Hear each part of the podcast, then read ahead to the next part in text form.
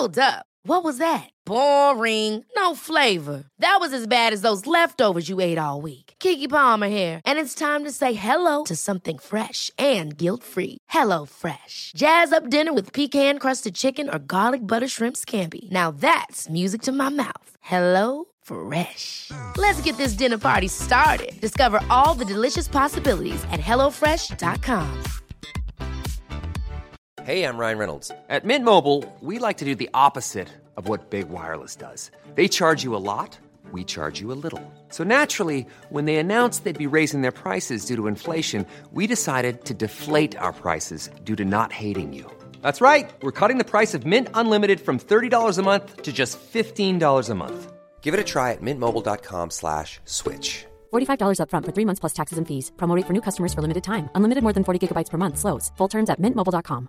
Quality sleep is essential. That's why the Sleep Number Smart Bed is designed for your ever evolving sleep needs. Need a bed that's firmer or softer on either side? Helps you sleep at a comfortable temperature? Sleep Number Smart Beds let you individualize your comfort so you sleep better together. JD Power ranks Sleep Number number 1 in customer satisfaction with mattresses purchased in-store. And now, save 50% on the Sleep Number limited edition Smart Bed for a limited time. For JD Power 2023 award information, visit jdpower.com/awards. Only at a Sleep Number store or sleepnumber.com. Den 3 december 2008 så föds en liten pojke som kommer få namnet Garnett Spears. Han är en glad och omtyckt liten pojke som tyvärr haft svåra hälsoproblem sedan han föddes. Hans mamma finns alltid vid hans sida och tar hand om honom genom alla sjukhusvistelser och tunga operationer. Vid fem års ålder så blir Garnett väldigt sjuk. Så sjuk att han tragiskt nog avlider. När det här händer så börjar läkare och polis fråga sig vad var det egentligen som hände med den här lilla pojken? Var han verkligen så sjuk som han hade verkat? Och det visar sig finnas en mer tragisk historia bakom denna pojkes korta liv än vad de någonsin kunnat ana.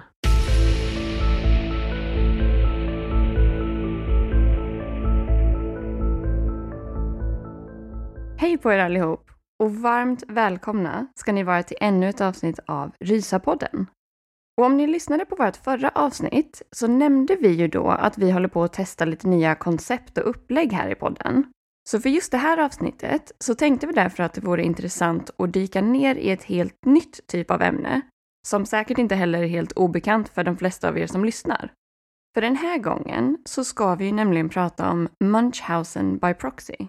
Ja, och det är ju säkert många som har talat om det här begreppet. Men Munchausen by proxy, eller Munchausen syndrom by proxy, är ju ett extremt ovanligt syndrom. Och det brukar ju på svenska översättas till Munchausen syndrom genom ombud, eller den något mer beskrivande frasen barnmisshandel genom sjukvårdsinsatser. Och man skulle kunna säga att det här är en form av undergrupp till det som egentligen bara kallas för Munchausen syndrom. Och det är ju att en person uppsöker sjukvård med simulerade, självförvållade eller helt enkelt påhittade symptom. Och det här är ju en person som aktivt söker sig till olika sjukhus och andra typer av platser där det finns möjlighet att få den här medicinska uppmärksamheten av läkare och annan vårdpersonal. Och man kan ju tycka att det här till viss del låter som hypokondri, eller hälsoångest som det också kallas, som dessutom också är ett betydligt vanligare tillstånd. Men det finns en väldigt viktig skillnad mellan hypokondri och Munchausen syndrom. För den som lider av hypokondri tror på riktigt att han eller hon faktiskt är sjuk och att alla eventuella symptom är verkliga. Men den som lider av Munchausen syndrom är däremot fullt medveten om att sjukdomen faktiskt inte alls är på riktigt och att det är individen själv som har hittat på allt. Så man imiterar alltså sjukdom och olika symptom och ljuger helt enkelt om sitt hälsotillstånd för sjukvården. Och drivkraften bakom det här är ju då främst att få medicinsk uppmärksamhet och medlidande eller sympati från personer i ens omgivning. Och det handlar alltså inte heller om att ljuga om sitt hälsotillstånd i någon form av vinstsyfte, som till exempel att få bli sjukskriven från jobbet eller till exempel att få ut försäkringspengar. Och Munchausen syndrom by proxy är som sagt väldigt likt Munchausen syndrom. Men skillnaden är att personen det handlar om då inte utger sig själv för att vara sjuk, utan istället agerar ombud för någon annan som uppges vara sjuk, men som egentligen då inte är det. Och det är vanligt att personen som lider av Munchausen by proxy tar sig an en roll som räddare eller vårdare för den här personen som framstår som sjuk. Och det vanligaste är ju att det här är en förälder som på ett eller annat sätt medvetet gör sitt barn sjukt och sen vidtar olika typer av åtgärder för att barnet inte ska tillfriskna och därför också ska ha ett fortsatt behov av vård. Och även här är ju drivkraften att få uppmärksamhet, men också bekräftelse och sympati från vården och andra i sin omgivning. Och själva begreppet Munchausen by proxy kom till i slutet av 70-talet genom den engelska barnläkaren Roy Meadow. Och det ska sägas att det här är ett extremt ovanligt tillstånd och i Sverige så upptäcks bara ett fåtal fall per år. Men som sagt är det oftast föräldrar och främst kvinnor som drabbas av Munchausen by proxy och deras offer blir tragiskt nog oftast deras egna barn. Och det kan givetvis variera ordentligt i allvarlighetsgraden. För ibland handlar det om att vårdgivaren eller föräldern utsätter sitt barn för onödigt många utredningar och behandlingar, men att det egentligen inte innebär någon direkt skada för barnets hälsa. Men i andra, betydligt mer extrema fall, så kan den här diagnosen resultera i livshotande eller dödliga skador för barnet som utsätts. Så det här är ju minst sagt en farlig form av barnmisshandel, även om den inte är vanligt förekommande. Och det finns ju en del olika exempel på fall av Munchausen by proxy, där föräldrar på olika sätt har framkallat symptom hos sina barn som liknar sjukdomar som influensa, leukemi eller andra typer av cancer, olika handikapp och rörelsesvårigheter. Och det här har de då gjort genom att exempelvis injicera olika medel eller överdosera mediciner eller tillskott. Men ett av de mest uppmärksammade fallen av Munchausen by proxy är nog fallet kring Gypsy Rose och Didi Blanchard.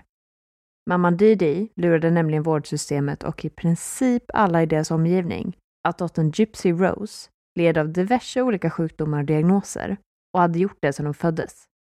Och det här slutade ju med att Gypsy Rose till slut fick nog och bad sin pojkvän att mörda mamman Didi. Och det finns ju otaliga dokumentärer, poddar och böcker skrivna om det här fallet och den starka kopplingen till just Munchausen by proxy. Bland annat så finns det en dokumentär från 2017 som heter Mummy Dead and Dearest och en serie, The Act, från 2019 och om jag inte minns helt fel så kan man nog se båda de två på HBO Nordic om man är intresserad av att ta del av det här fallet också sen. Men för just det här avsnittet så har ju vi valt att fokusera på två andra fall som kanske inte har fått riktigt lika mycket medial uppmärksamhet, men som trots detta är två av de mest kända fallen av Munchausen by proxy. Och den här gången har vi ju ett varsitt fall som vi ska ta oss igenom. Så jag tycker att vi kan börja med ditt fall på en gång nu, Mickis. Det kan vi absolut göra. Och det var ju en liten del av mitt fall som hördes i intro till avsnittet. Och det handlar ju om fallet kring Lacey Spears och hennes son Garnett, som tyvärr fick ett tragiskt slut 2014 när Garnett bara var fem år gammal.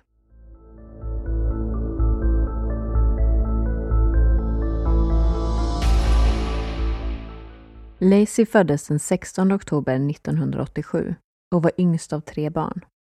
Hon hade en äldre bror och en äldre syster och växte upp i Decatur i delstaten Alabama. Hon hade från ung ålder en stor kärlek till dockor och älskade att leka med och ta hand om dem. Med tiden så utvecklades den här känslan och Lacey blev istället väldigt intresserad av att ta hand om barn. Hon jobbade bland annat som barnvakt och sen även på ett dagis. Hon ställde alltid upp om det var någon som ville ha hjälp med sina barn. Lacey har beskrivits som en ganska blyg kvinna som var duktig med barn och ville ha dem nära.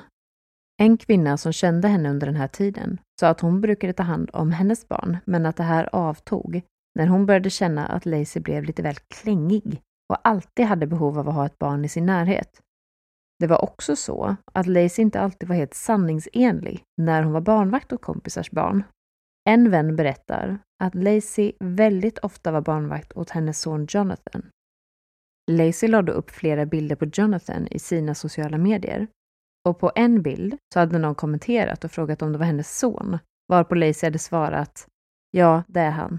Han är mitt livs stora kärlek och föddes 14 februari.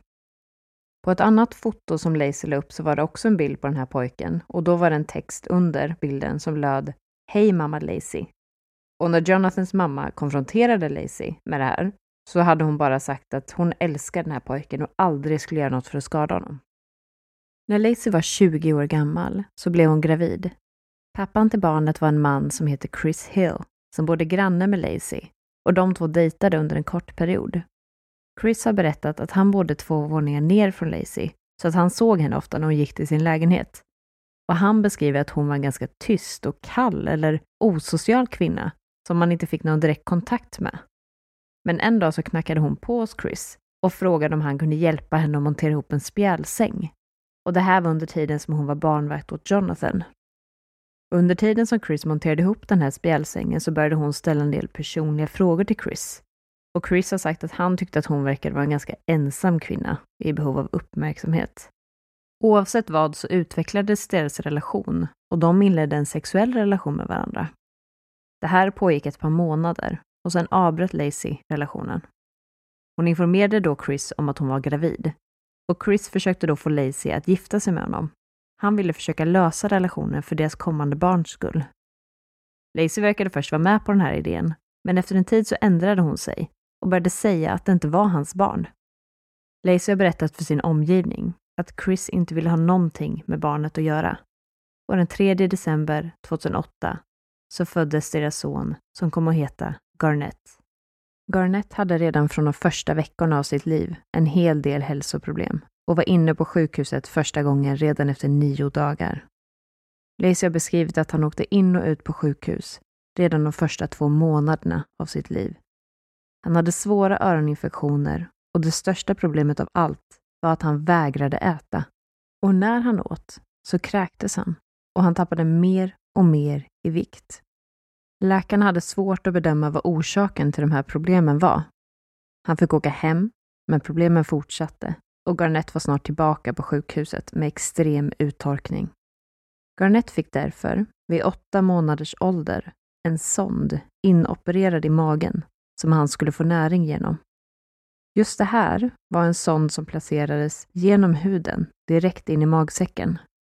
Sonden hålls på plats av en liten platta på utsidan av magen och en annan liten platta på insidan. Man kopplar sedan på en påse med någon form av näring som hänger på en droppställning. Lacey beskrev att hon använde den här under perioder när Garnett vägrade äta för att ge honom den näringen som han behövde. Garnett genomgick också en till operation. En operation som skulle förhindra att han kräktes. Lacey väljer 2010, när Garnett är två år gammal, att lämna Alabama och tog då med sig Garnett till sin mormor Peggy i Florida. När hon bodde där så försörjde sig Lacey genom att sitta barnvakt och städa hus. Garnett har av personer som var runt honom under den här tiden beskrivits som en väldigt glad, charmig och social pojke som inte alls verkade påverkad av några hälsoproblem. Han sprang runt och lekte och när det var dags att äta så åt han precis som de andra barnen. Lacey beskrev att Garnett åt ibland, men att han sen helt plötsligt kunde säga att han fick ont i magen och slutade äta under en längre tid. Det var dock inget som någon annan hade bevittnat. 2012, när Garnett var fyra år och började komma upp i en ålder där han skulle börja förskola, så beskrev Lacey att hon ville att han skulle få den bästa utbildningen som han kunde få. Och den bedömde hon att han kunde få i New York. De flyttade därför dit och bodde i ett större kollektiv, eller en gemenskap som kallas för Fellowship for Elderly and Disabled People. Det här var en grupp som levde tillsammans och försökte bruka det som jorden gav dem. Och de tog hand om de äldre och personer med funktionsnedsättningar, samtidigt som de alla bodde på området. Den här gemenskapen passade också Lacey för att hon hade beslutat att hon ville ge Garnett en mer holistisk typ av kost och medicinering. Och det stämde bra överens med den livsstil och de värderingar som den här gemenskapen hade. Både Lacey och Garnett verkade trivas bra i New York och Garnett var väldigt omtyckt i den gemenskap som de tillhörde. Personer har beskrivit att när Garnett träffade någon så frågade han alltid vad personen hette och kom sedan alltid ihåg namnen nästa gång han såg dem. Han ska också ha haft ett leende som smittade av sig. Ingen noterade att han var en pojke som hade problem med maten. En kvinna i samma gemenskap beskriver att han alltid när han besökte henne brukade vilja ha nötter eller frukt att äta. Samma kvinna beskriver också att hon såg Lacey som en kärleksfull mamma och att relationen mellan Garnett och Lacey verkade väldigt fin. Det fanns också flera personer som vittnade om att när de hade tagit med sig Garnett, exempelvis om de hade barn i samma ålder och man gick för att äta någonstans, då åt Garnett alltid utan problem. Han bad dessutom ofta om att få en portion till. Men Garnetts hälsoproblem fortsatte tyvärr och Lacey tog Garnett till fler läkare för att undersöka vad det var som var fel med hennes son. En läkare som intervjuas i dokumentären 48 hours, Dr. Ivan Darenkov, undersökte Garnett vid fem tillfällen och beskriver att Garnett verkade som vilken annan hälsosam pojke som helst. Det som var hans största oro över Garnett var det faktum att han hade haft sin sond inopererad under så lång tid. Och han sa då till Lacey vid flera tillfällen att det kanske var dags att ta ut den för att se om den inte längre behövdes. Man ska nämligen bara ha en sond inopererad om det bedöms absolut säkert att någon inte kan få i sig den näringen man behöver på något annat vis, eftersom den i sig kan ge komplikationer. Det här var ingenting som Lacey valde att göra. Lacey själv säger i samma dokumentär att varken hon eller doktor Ivan Darenkov kände sig helt trygga med att ta bort den och att det var därför det inte gjordes. Doktor Ivan Darenkov beskriver att det fanns tydliga varningssignaler i det här fallet och att Munchausen by proxy var någonting som han hade i åtanke från dag ett. Men eftersom han bara hade en misstanke och inget konkret att gå på så valde han att inte gå vidare med det.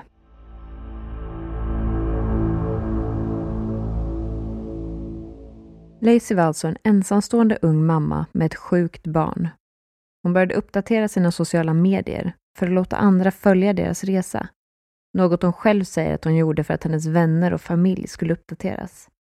Hon startade även en blogg som handlade om hennes sons okända hälsoproblem och även om hur hennes son förlorat sin pappa och hon sin själsfrände i en tragisk bilolycka 2011. Vad gäller Garnets pappa så var det nämligen så att det var inte Chris som nämndes om frågan kom upp, utan om någon frågade Lacey vem som var Garnets pappa så sa hon att han hette Blake och han hade varit polis men omkommit i en bilolycka. Lacey och Blake hade varit ungdomskärlekar de hade försökt få barn vid fyra tillfällen innan de till slut fick sin älskade son Garnett. De var förlovade när Blake tragiskt nog dog i en bilolycka och lämnade sin fästmö och sin lilla son. Lacey bar sin förlovningsring och sörjde ofta Blake. I Lacys sociala medier och på bloggen kunde man se bilder på Garnett när han reste hem från Blakes minnesceremoni och högtider där hon skriver om hur Garnetts pappa inte längre finns med dem. Inlägg som detta finns att läsa. Vi har nu tillsammans överlevt nästan 365 dagar. Ett helt år utan Blake. Min själsfrände och Garnets pappa. Det senaste året har varit ett av de svåraste i mitt liv. Det här var ju dock inte riktigt sant. För Garnets pappa heter ju Chris. Men Blake finns. Och han och Lacey dejtade ett par gånger. Men resten stämmer inte. Han är inte Garnets pappa och han är inte död. Han visste inte ens om att Lacey skrev om honom på sin blogg som att han var pappa till Garnett. Lacey själv, när hon ifrågasätts om det här, beskriver att hon beslutade att hitta på historien för att folk skulle sluta fråga och för att Garnett inte skulle behöva höra om hur hans riktiga pappa inte ville vara en del av hans liv. Det här stämmer ju dock inte riktigt heller, enligt Garnetts biologiska pappa Chris. Han hade enligt egen utsaga gärna varit delaktig i Garnetts liv, men Lacey tillät honom inte han säger också att han dessutom har en annan son och att han är delaktig i hans liv.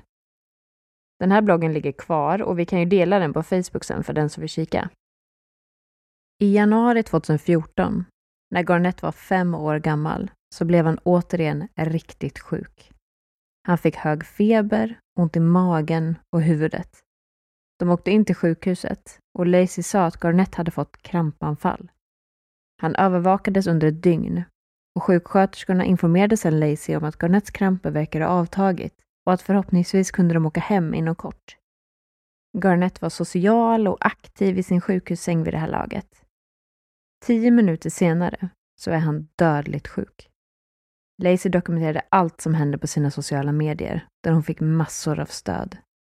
Lacey beskrev hur Garnett skrek av smärta och höll sig för huvudet.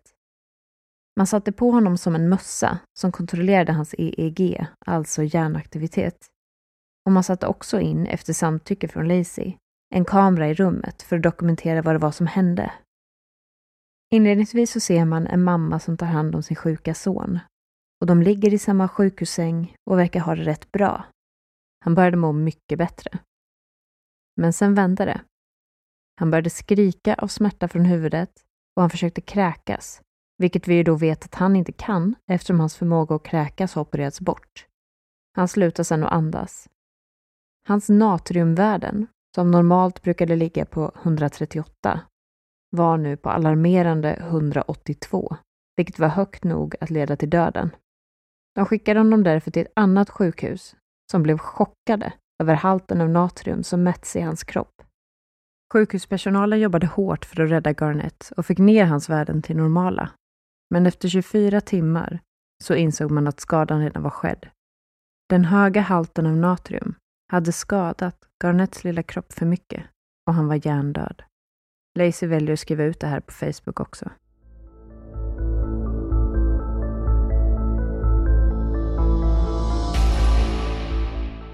Läkarna, som inte kunde ge någon logisk förklaring till varför Garnets halter av natrium skulle kunna vara så höga, valde att ringa polisen för att utreda det här vidare. Polisen kom till sjukhuset och förhörde Lacey, samtidigt som de också valde att genomsöka hennes hem. I hemmet så fann man bland annat flera mediciner som stod på ett bord bakom en stor burk med salt. Salt är en av de största källorna till natrium. De hittade också den utrustning som användes när Garnett sondmatades. Påsar som hängde på en ställning med vad som såg ut att innehålla bröstmjölk. Någonting som Lacey hade sagt till poliserna att hon hade gett Garnett. De tänkte inte mer på det just då och valde att inte ta med de här från hemmet. En av kvinnorna som bodde i samma gemenskap som Lacey och Garnett blev förkrossad när hon fick höra att Garnett var hjärndöd och hörde av sig till Lacey för att se om det fanns någonting hon kunde göra för att stötta henne genom den här tunga tiden. Lacey ska då ha bett henne att gå in i hennes hem och ta påsen från droppställningen och göra sig av med den. Kvinnan reflekterade inte över det här nämnvärt just då och gick över för att göra som hon hade blivit tillsagd. Hon fick sen veta från en av grannarna att polisen hade sökt igenom hemmet och då började hon fundera över det. Hon tog med sig påsen hem till sig och kontaktade några av ledarna för den gemenskap som de bodde i. De valde att överlämna påsen till polisen och polisen skickade iväg påsen tillsammans med ytterligare en påse som de hade hittat i Lacys soptunna för att testas. Och det visade sig att varje påse innehöll en stor mängd salt. En så pass stor mängd att det kan jämföras med 69 stycken små saltpaket per påse. En mängd stor nog att döda. Lacey nekar till det här och säger att hon aldrig bad den här kvinnan att göra sig av med de här påsarna, utan att hon endast bad henne att kolla till hennes hem för att se att polisen inte hade stökat till allt för mycket. Hon påtalar också att hon inte har lagt salt i påsarna och att de faktiskt varit under uppsikt av andra personer det vill säga den här kvinnan som åkte till hennes hem för att göra sig av med påsarna, men sen valde att ta med sig påsarna därifrån hem till sig. Från det att påsarna togs från hennes hem till dess att de kom till polisstationen hade det gått cirka en till två dagar. Lacey säger också att när Garnett kom in till sjukhuset vid det här tillfället så var hans natriumnivåer normala, vilket de inte borde ha varit om hon hade matat honom med innehållet i de här påsarna, om de nu hade varit fulla med salt. Poliser som förhörde Lacey beskriver att hon, när hon kom in i förhörsrummet, kom in och grät hejdlöst. Hon kunde sen kolla ner och kolla upp en stund senare och det fanns inte en enda tår. Ett par veckor efter Garnets död så bedömde obducenten att dödsorsaken för Garnett var mord och utredningen fortsatte. De kontaktade en utredare från Lacys hemstad som undersökte Lacys bakgrund det var han som insåg hela historien kring Garnets pappa och vem denne faktiskt var. Tillsammans började poliserna försöka pussla samman Garnets medicinska journaler för att se vad som faktiskt kunde utläsas ur dem. Man kunde då se att under en tvåårsperiod så sökte Lacey vård för sin son vid 20 olika vårdinstanser. Vissa av de här var via remiss, från en instans till en annan. När Garnett var fem veckor gammal så hade en läkare dokumenterat i hans journal att han misstänkte Munchausen by proxy. Ingen hade dock agerat på det här. Ingen hade heller agerat på att Lacey ska ha sagt att hon ville skada sitt barn och att Garnett redan vid tio veckors ålder hade höga halter av natrium i kroppen som man inte kunde förklara. Vissa läkare hade dock valt att agera och ringde socialtjänsten för att anmäla sin misstanke. Men samtliga anmälningar lades ner för att det fanns inte tillräckligt för att styrka misstanken. Fem månader efter Garnets död så åtalades Lacey för mordet på sin son. Försvaret beskrev Lacey som en kärleksfull mor som gjorde allt för att finna lösningen på sin sons hälsoproblem. De la istället skulden på sjukhuset och att de hade slarvat genom att ändra hans kost, vilket då ska ha förvärrat hans magproblem och sen inte gett honom den medicinen han behövde för att bekämpa uttorkningen som blev konsekvensen. De ska då ha gett honom någon form av saltlösning och det ska då ha varit det här som ledde till Garnets död, enligt försvaret. Åklagaren å andra sidan höll inte alls med om det här och hänvisar till en video som spelades in på sjukhuset. Man ser på videon hur Garnett mår bra. Sen tar Lacey med honom på toaletten och en stund senare så mår han fruktansvärt dåligt och vrider sig av smärta. Åklagaren menar då att hon genom hans sond gav honom salt på toaletten. På videon så ser man Lacey ta med Garnett till toaletten och hon ser ut att ha med sig det rör som hon behöver för att kunna sondmata Garnett. Det är något som hon enligt försvaret gör för att rengöra den. Man ser då hur Garnett snabbt går från att vara en pigg och glad pojke till en fruktansvärt sjuk pojke som lider. Och det ska sägas att den här videon går att se. Den var bland annat en del av ett avsnitt av Crime Watch som jag har sett. Att se den här femåriga pojken lida som han gör och dessutom försöka kräkas ut det han har fått i sig utan att kunna, eftersom man vet att han har opererats för att just förhindra det, är hemskt. Rent krasst så är det här hans sista minuter i livet och de är fulla av lidande. Så det är verkligen en varning på att se det. Efter en månads rättegång och tre dagars överläggning från juryn så återkommer de med domen. Skyldig till mord av andra graden. I april 2015 så döms Lacey och domaren sa följande.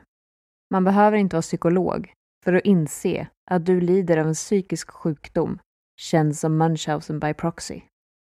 Han delger henne sedan sitt straff, 20 år till livstid, varav 25 år hade varit maxstraffet. Han fortsätter sen med att säga, genom att inte ge dig maxstraffet så kombinerar jag ditt straff med någonting som du inte visade din son, nämligen barmhärtighet. Lacey fortsätter att påtala att hon är oskyldig, att hon bara är en mamma som ville det bästa för sin son.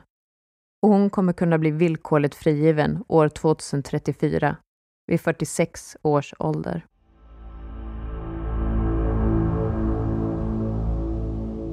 Ja, alltså det här känns ju verkligen som ett skrämmande exempel på vad det här syndromet faktiskt kan leda till i extrema fall. Och just det här fallet är ju så fruktansvärt tragiskt på flera olika sätt. Men det gör verkligen extra ont i en när man tänker på att en läkare där i början faktiskt hade sett varningssignaler för just Munchausen by proxy Ja, det är fruktansvärt hemskt om det här hade kunnat undvikas på något sätt. Men Munchausen by proxy är ju tydligen väldigt svårt att diagnostisera och framförallt också att bevisa. Och jag kan tänka mig att det blir extra svårt när det är en förälder som Lacey som skapar en falsk yta som ändå lyckas lura så pass många i hennes omgivning. Och det är klart att det här är någonting känsligt för att det är ju en, en ganska grov anklagelse mot en förälder. Så man vill väl säkert som professionell kan jag tänka mig ha konkreta bevis för att någonstans ha på fötterna när man gör en sån anklagelse. Men ska man se någon ljusglimt i mitt fall så är det väl i sådana fall att Lacey inte hade fler barn som kunde utsättas för den här tortyren som Garnett faktiskt fick uppleva. Men i ditt fall, Annie, så var det ju betydligt fler offer. Ja, det var ju tyvärr det. För jag ska ju nämligen prata om Mary Beth Tinning, som av många experter anses vara ett av de tidigare fallen av Munchausen by proxy. Och mellan åren 1971 och 1985 dog nämligen totalt nio barn i familjetidning. Och dödsorsakerna var allt från hjärtstopp till plötslig spädbarnsdöd och man började till och med misstänka att de här barnen kanske kunde ha drabbats av någon form av dödsgen.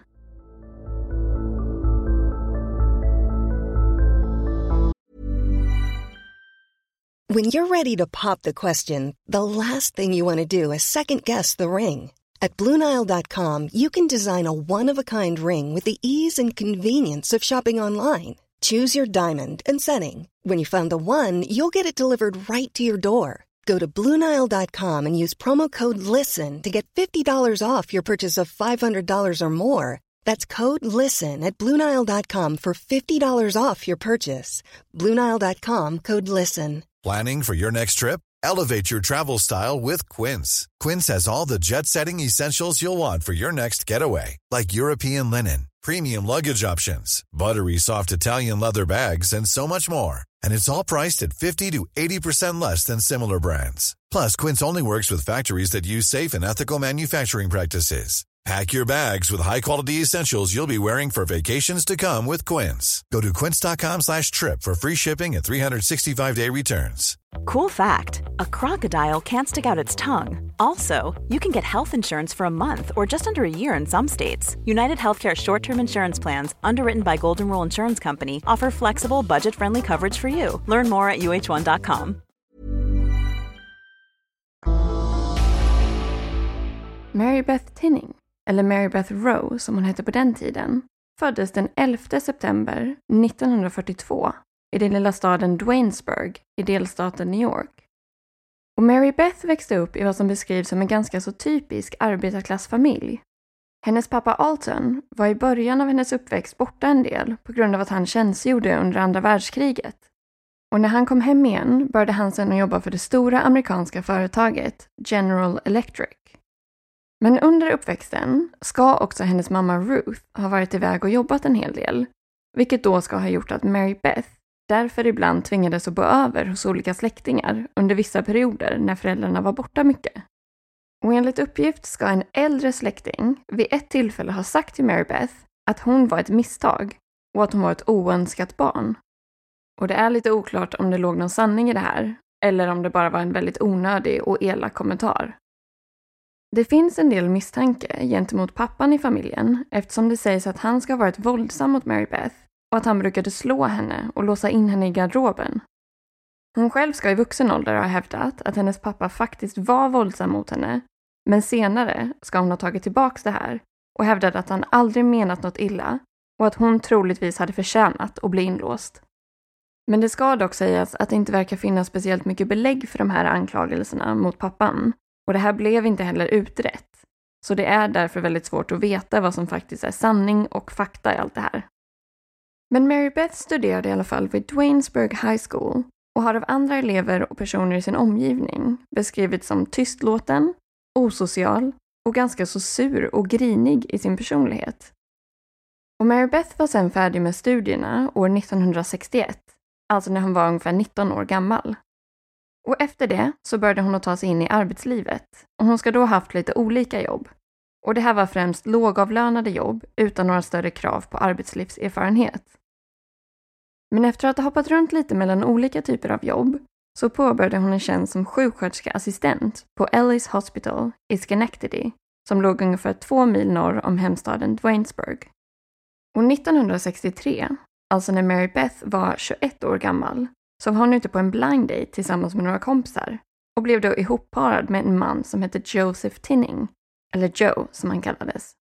Och han beskrivs som ganska så lugn, tystlåten, okomplicerad och väldigt lättsam som person. Men Joe och Mary Beth började i alla fall att dejta och våren 1965 så gifte de sig. Och det var ju också då som Mary Beth tog hans efternamn, Tinning. Ungefär två år senare, i maj 1967, så föddes parets första barn, en flicka som fick heta Barbara. Och därefter fick de en son, Joseph Jr, i januari 1970. Och båda barnen verkade vara välmående och ska ha fötts utan några större komplikationer. Och Mary Beth ska vid ett tillfälle ha sagt att hennes största mål och önskan i livet var att gifta sig och skaffa barn. Så vid den här tidpunkten kunde man ju absolut säga att hon hade lyckats med just det här och att alla bitarna verkade falla på plats för den nybildade och unga familjen. Hösten 1971 så hade Mary Beth blivit gravid igen med parets tredje barn. Och vid den här tidpunkten så drabbades hennes pappa Alton av en plötslig hjärtinfarkt och dog. Och det här skulle senare visa sig vara något av ett startskott för flera tragiska incidenter i den här familjen. När deras tredje barn, dottern Jennifer, kom till världen i december 1971 så insåg man direkt att hennes hälsa var ett problem och hon var väldigt sjuk redan vid födseln. Så hon hölls därför kvar på sjukhuset för observation, men dog sen efter bara åtta dagar i livet. Och läkare slog då fast att dödsorsaken var hjärnhinneinflammation. Och att förlora ett barn på det här viset är ju såklart oerhört tragiskt. Och självklart så reagerar alla människor också väldigt olika på en sån här typ av incident.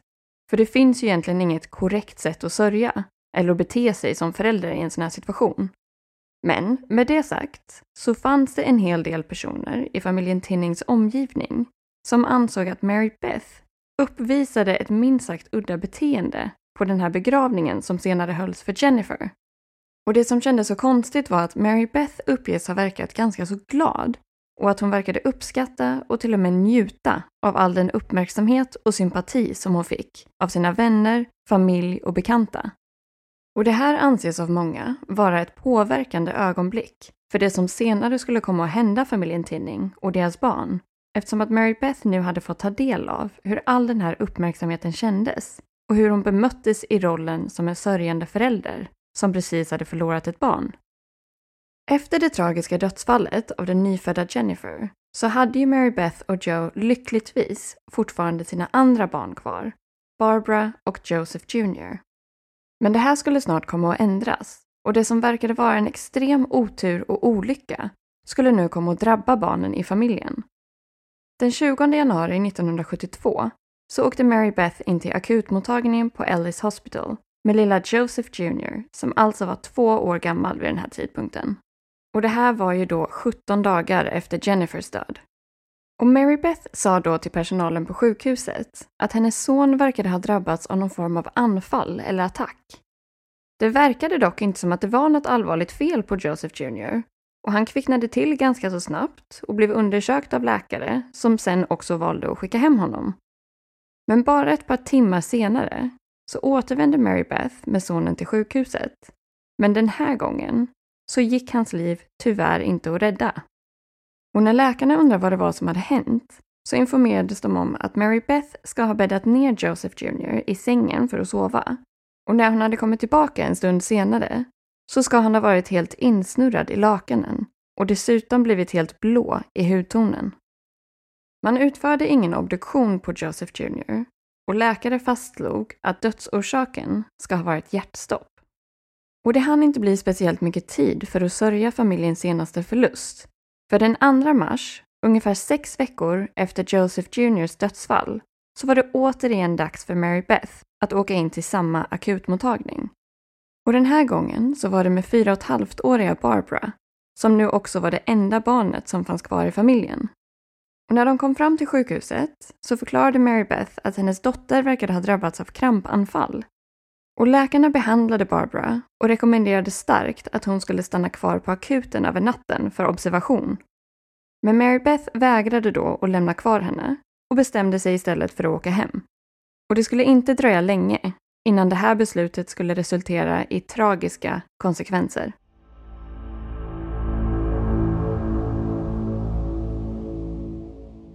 Återigen tog det bara några timmar innan Mary Beth var tillbaka på akuten och den här gången så var det inte krampanfall, utan hon var nu medvetslös och Barbara dog kort därefter på sjukhuset.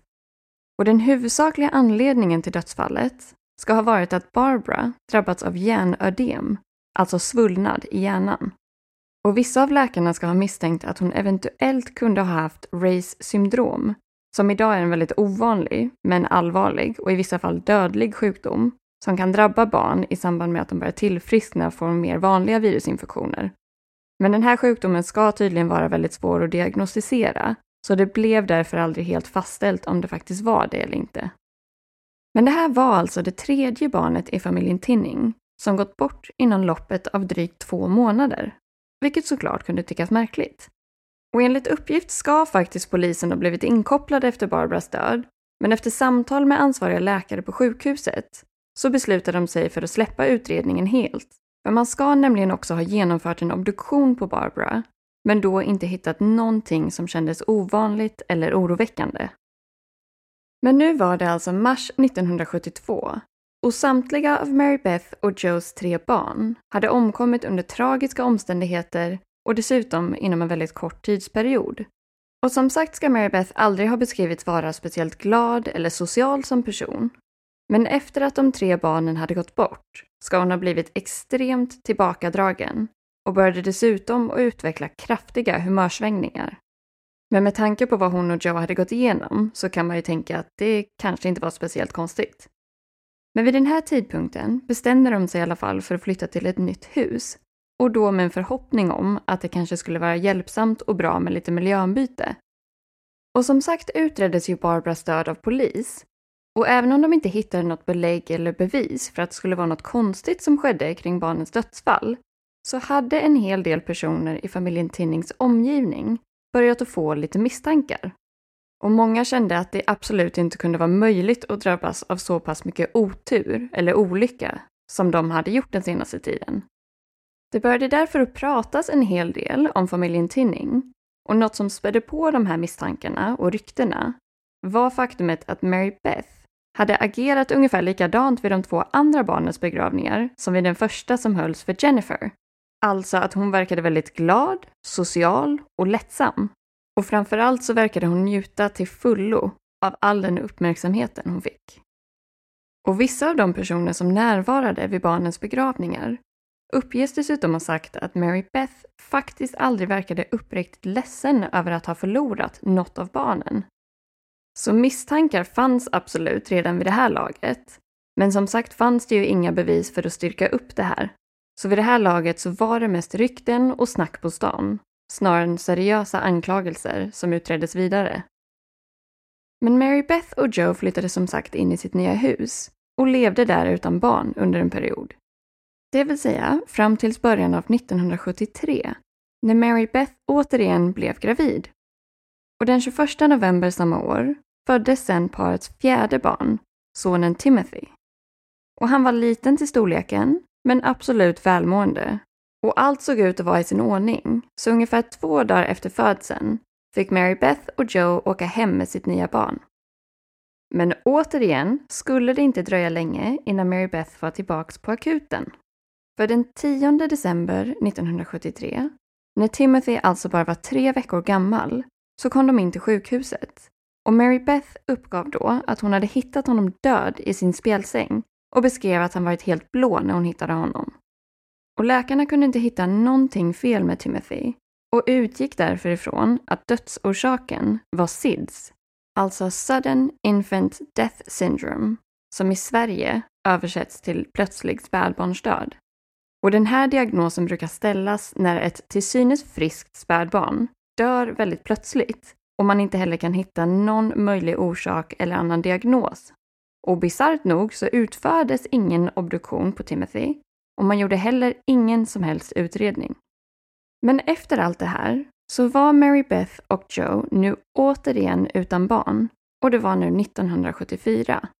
Och under det här året så ska de också ha gått igenom en väldigt intensiv, stressande och utmanande period i sitt äktenskap. Och under den här perioden så blev Joe förgiftad av barbiturater.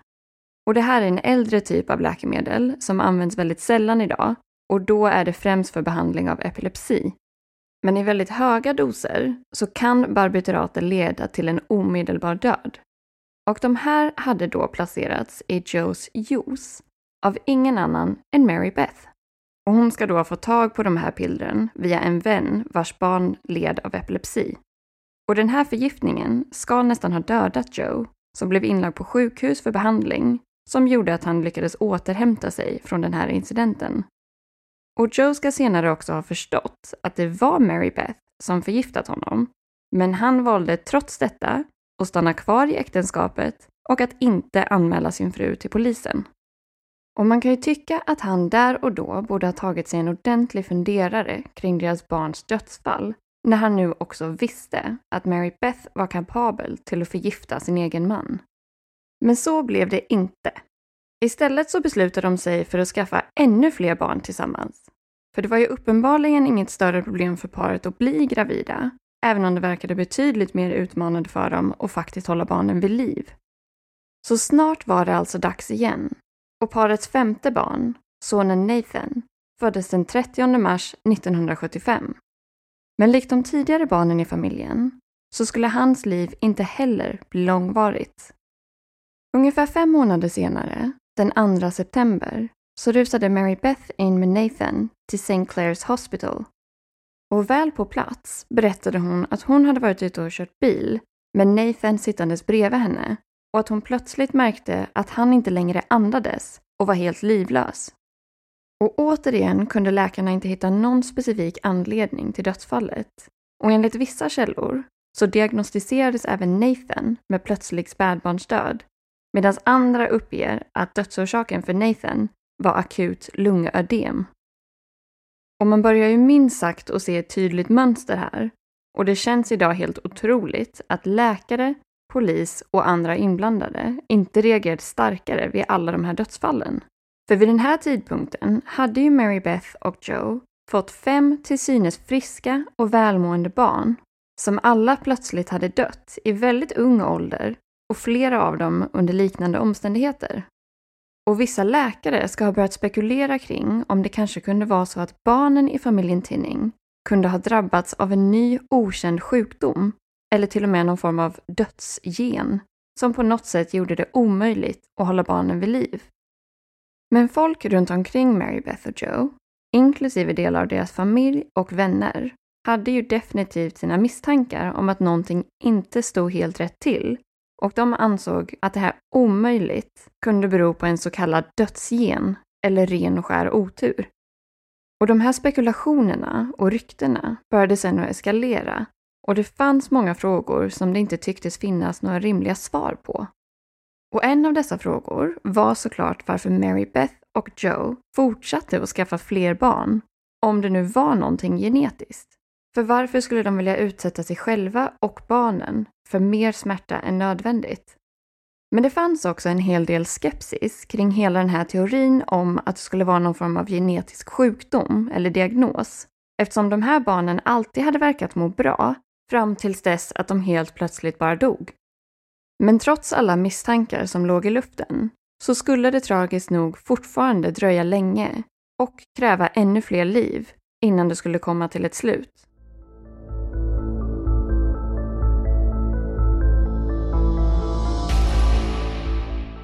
Mary Beth och Joe levde sedan utan barn i nästan tre år efter att Nathan gått bort. Och nu var det alltså år 1978. Och vid den här tidpunkten bestämde de sig för att de ville adoptera en liten pojke som heter Michael. Och i juni det här året så påbörjades själva processen för adoptionen. Och mitt i det här så fick de också reda på att Mary Beth återigen var gravid. Och senare det här året, i slutet på oktober, så föddes parets sjätte biologiska barn. Och den här gången blev det en dotter som fick heta Mary Frances. Och i vanlig ordning tog det bara ett par månader innan olyckan skulle drabba det nyfödda barnet. För året därefter, i januari 1979, så åkte Mary Beth in med Mary Frances akut till sjukhuset på grund av krampanfall. Hon blev då behandlad på sjukhuset och sen hemskickad igen och bara en månad senare var Mary Beth återigen tillbaka på sjukhuset med Mary Frances. Och hon berättade då att hon hade hittat sin lilla dotter livlös i sängen. Och en obduktion utfördes då och man hittade ingenting misstänkt. Så återigen blev dödsorsaken därför plötslig spädbarnsdöd. Men ännu ett dödsfall stoppade fortfarande inte Mary Beth och Joe från att skaffa ännu fler barn. Så deras dotter gick alltså bort i januari 1979 och i slutet av samma år, den 19 november, så föddes ännu ett friskt litet barn, sonen Jonathan. Och bara ett par månader senare, den 24 mars 1980, så åkte Mary Beth in till sjukhuset med honom eftersom att han då hade blivit medvetslös. Och den här gången var otaliga läkare och specialister involverade i den medicinska utredningen för att försöka diagnostisera Jonathan. Och han skickades dessutom vidare till Boston Hospital för vidare utredning. Men de hittade då ingenting konstigt alls och ingen anledning till varför han plötsligt kunde ha blivit medvetslös och han blev därför till slut hemskickad. Men bara tre dagar senare var Jonathan tillbaka på sjukhuset och då var han redan död när de kom dit. Och själva dödsorsaken var då plötsligt hjärtstopp. Och det här gjorde alltså den knappt fyra månader gamla Jonathan till det sjunde barnet som Mary Beth och Joe hade förlorat inom spannet av mindre än tio år. Nu fanns det återigen bara ett barn kvar i familjen Tinning och det var den adopterade Michael. Och alla papper och officiella dokument kring adoptionen, de hade inte gått igenom än, men Michael bodde ändå hemma med Mary Beth och Joe som ett fosterbarn. Och han var två och ett halvt år gammal och verkade vara en fullt frisk, glad och välmående pojke. Men ungefär ett år efter Jonathans död, alltså i mars 1981, skulle det här komma att förändras. Mary Beth kom då inspringandes till en lokal barnläkare med Michael i famnen. Men den här läkaren insåg då direkt att det tyvärr inte fanns någonting som kunde göras och att det helt enkelt var för sent. Michael var redan död. En obduktion utfördes och man kunde då konstatera att han hade haft lunginflammation. Men det märkliga var att han inte verkade varit så pass sjuk att han skulle ha dött på grund av det här. Och utöver det så var det någonting annat i den här situationen som sjukhuspersonalen upplevde som minst sagt märkligt. Familjen Tinning bodde nämligen i princip granne med det här sjukhuset och därför hade ju Mary Beth faktiskt haft alla möjligheter för att kunna komma förbi med Michael betydligt tidigare. Han hade ju trots allt haft lunginflammation och borde därför ha uppvisat symptom långt innan hans mående blev så pass kritiskt. Men Mary Beth hade istället valt att invänta sjukhusets vanliga öppettider innan hon sen tog med sig Michael för att få hjälp. Men i vanlig ordning så hölls inte Mary Beth och Joe ansvariga för det här dödsfallet och orsaken till Michaels död angavs helt enkelt vara just lunginflammation. Och nu var det alltså totalt åtta barn som hade dött i familjen Tinning. Men det som var annorlunda i Michaels fall var ju att han faktiskt inte var deras biologiska barn. Och alltså gjorde det här att hela teorin, eller kanske snarare den bekväma bortförklaringen, kring en ny okänd sjukdom, eller så kallad dödsgen bland familjens barn, nu verkade allt mer orealistisk. Och misstankarna, de växte sig allt starkare och slutligen bestämde sig Mary Beth och Joe för att återigen flytta eftersom det nu hade börjat florera en hel del rykten om deras barns mystiska dödsfall. Och efter Michaels död ska både socialarbetare och läkare ha flaggat för polisen att de kände en stark oro och rekommenderade därför att de borde hålla koll på Mary Beth. Men hur ofattbart det än låter så var det fortfarande inte slut på föräldraskapet för Mary Beth och Joe. Ett par år efter Michaels död blev Mary Beth nämligen gravid igen. Och den 22 augusti 1985 föddes deras dotter, Tammy Lynn. Under hennes första månader i livet höll läkarna full koll, observerade och undersökte Tammy Lynn. Och deras summering var helt enkelt att hon var fullt frisk och att allt verkade vara i sin ordning. Men tragiskt nog skulle inte Tammy Lynn få leva i mer än ungefär fyra månader. För den 20 december förklarades hon död och orsaken ska då än en gång ha varit plötslig spädbarnsdöd. Och det här var alltså det nionde barnet som dött i familjen Tinnings hushåll och Mary Beth och Joe var nu återigen ensamma kvar. En begravning hölls för Tammy Lynn och följdes sen av en brunch som Mary Beth ordnade för familj och vänner i hemmet. Och en granne ska då ha uppmärksammat att Mary Beth återigen njöt till fullo av all uppmärksamhet och att hon minglade runt och småpratade med folk som om det vore en helt vanlig söndagsbrunch med goda vänner. Med andra ord så kändes hennes beteende, igen, väldigt opassande och märkligt för en begravning. Och allt det här ska ha provocerat många och gjorde att bägaren rann över för flertalet personer i deras omgivning. Den lokala polisstationen började sedan att bli nerringda av deras vänner, familj, grannar, läkare och annan sjukhuspersonal med information, tips och olika vittnesmål som alla pekade mot en och samma misstanke. Nämligen att de här små barnens död kändes allt annat än naturlig. Och Richard E. Nelson var vid den här tidpunkten polischef i Schenectady där Mary Beth och Joe bodde. Och han hade nu en hel del frågor som han ville ha svar på och valde därför att kontakta en expert inom rättsmedicinsk patologi, nämligen Dr. Michael Baden.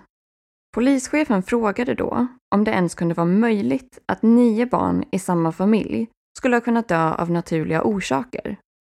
Han fick då svaret att det borde vara helt omöjligt. Och dessutom förklarade Dr. Baden att barn som drabbas av plötslig spädbarnsdöd inte blir blå i hudtonen, som Mary Beth hade uppgett att flera av barnen varit när hon hade hittat dem. Och om ett litet barn hade blivit blå i hudtonen så var det enligt Dr. Baden mest sannolikt på grund av asfixi, alltså att någon skulle ha kvävt barnet.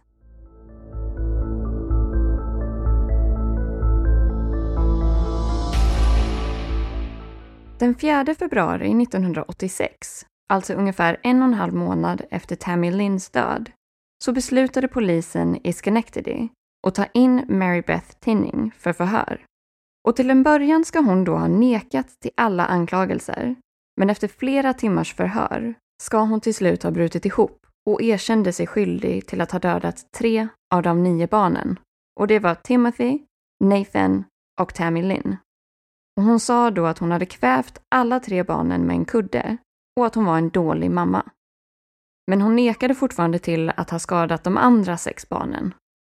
Och senare togs även Joe Tinning in till polisstationen. Och Mary Beth erkände då för honom precis samma sak som hon hade berättat för polisen.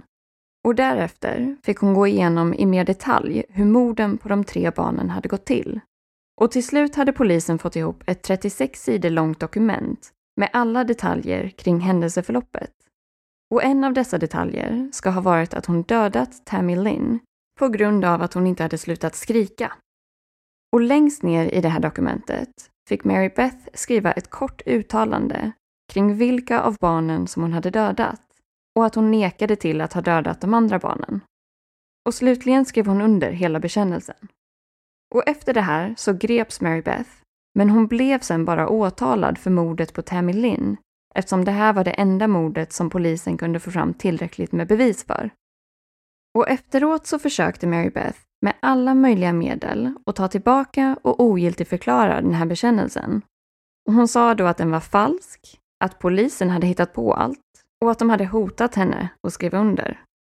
Men det här gick inget vidare och det beslutades att alla 36 sidor av bekännelsen skulle få användas som bevis i rätten. Och mordrättegången påbörjades sedan den 22 juni 1987 vid Schenectady County Court.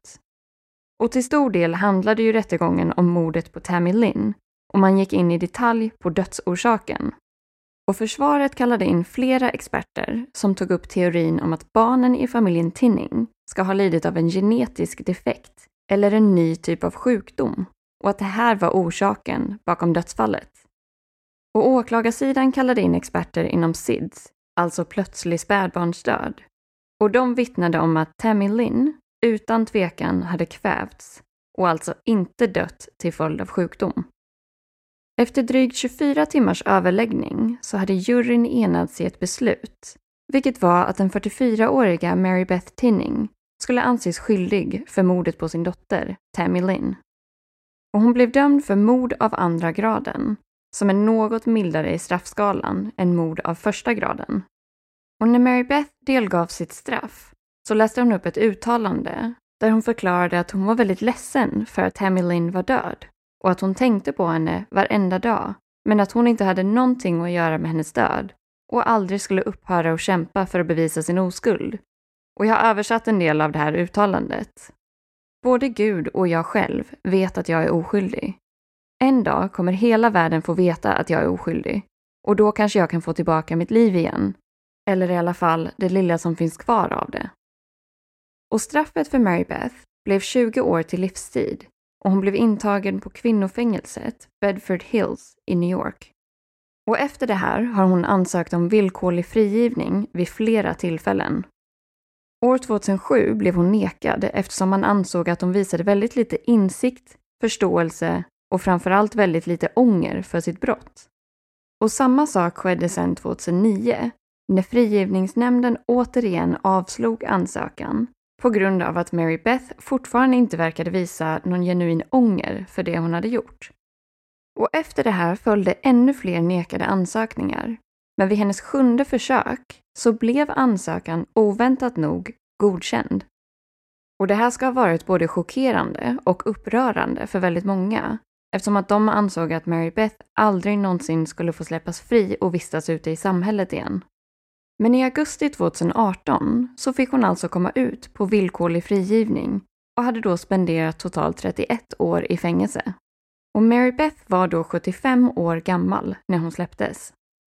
Och Joe har under alla dessa år fortsatt att stå vid sin frus sida och han besökte henne regelbundet när hon satt fängslad alla de här åren. Och som sagt så förlät han henne när hon försökte förgifta honom och för det hon gjort mot deras barn. Och Joe Tinning ansågs aldrig vara misstänkt i något av barnens dödsfall. Men givetvis så finns det en del åsikter och tankar kring om han egentligen också borde ha hållits ansvarig till viss del. För även om han själv kanske inte gjorde någonting för att skada barnen så är det väldigt många som är minst sagt kritiska till hans passiva beteende i allt det här. Men Marybeth Tinning är idag ett namn som är väldigt starkt sammankopplat med Munchausen by proxy-syndromet. Men vad jag har kunnat hitta så blev hon faktiskt aldrig officiellt diagnostiserad. Dock finns det väldigt många experter som är övertygade om att Mary Beth led av det här syndromet.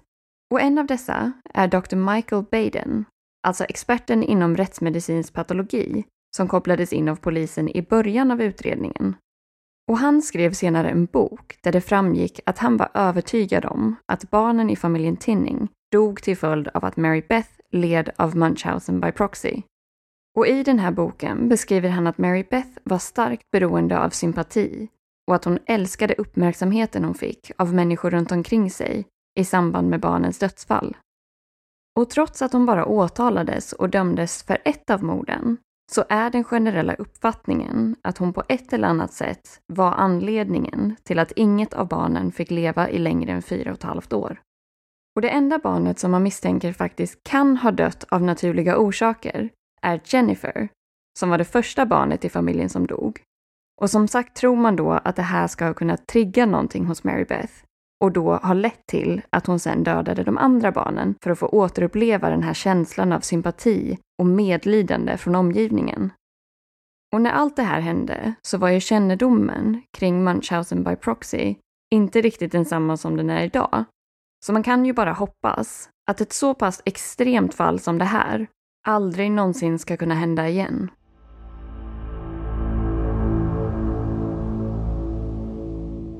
Att nio barn ska behöva dö innan man ser någon form av mönster och faktiskt agerar är verkligen helt otroligt. Speciellt med tanke på att omgivningen ändå började misstänka någonting långt innan det här fick ett slut. Och en annan fråga jag har är hur hennes man kunde se allt det här hända och inte ens ifrågasätta sin frus beteende. Ja, det är ju en väldigt bra fråga faktiskt. Och det är nog bara han själv som kan svara på den tyvärr. Men som sagt så är ju i alla fall Munchausen by proxy ett extremt ovanligt syndrom. Och det tåls ju också att sägas att de personer som drabbas av Munchausen by proxy på ett sätt också skulle kunna ses som offer, även om vissa av de här personerna har orsakat enormt lidande hos andra.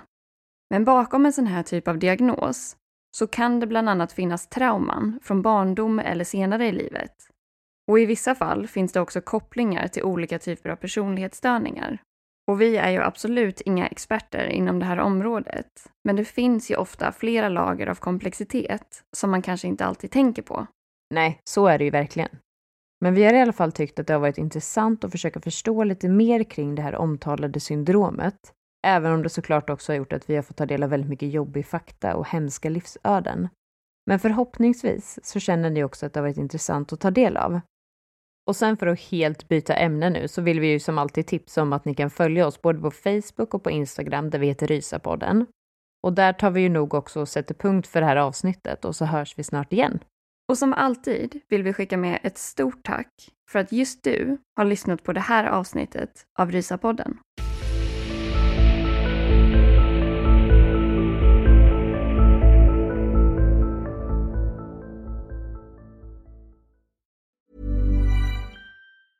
Hey, it's Danny Pellegrino from Everything Iconic. Ready to upgrade your style game without blowing your budget? Check out Quince. They've got all the good stuff shirts and polos, activewear, and fine leather goods, all at 50 to 80% less than other high end brands. And the best part? They're all about safe, ethical, and responsible manufacturing. Get that luxury vibe without the luxury price tag. Hit up quince.com slash upgrade for free shipping and 365 day returns on your next order. That's quince.com slash upgrade. Ever catch yourself eating the same flavorless dinner three days in a row? Dreaming of something better? Well, HelloFresh is your guilt free dream come true, baby. It's me, Gigi Palmer. Let's wake up those taste buds with hot, juicy pecan crusted chicken or garlic butter shrimp scampi. Mm. Hello Fresh. Stop dreaming of all the delicious possibilities and dig in at HelloFresh.com. Let's get this dinner party started. Even when we're on a budget, we still deserve nice things. Quince is a place to scoop up stunning high end goods for 50 to 80% less than similar brands. They have buttery soft cashmere sweaters starting at $50, luxurious Italian leather bags, and so much more. Plus, Quince only works with factories that use safe, ethical, and responsible manufacturing. Get the high-end goods you'll love without the high price tag with Quince. Go to quince.com/style for free shipping and 365-day returns.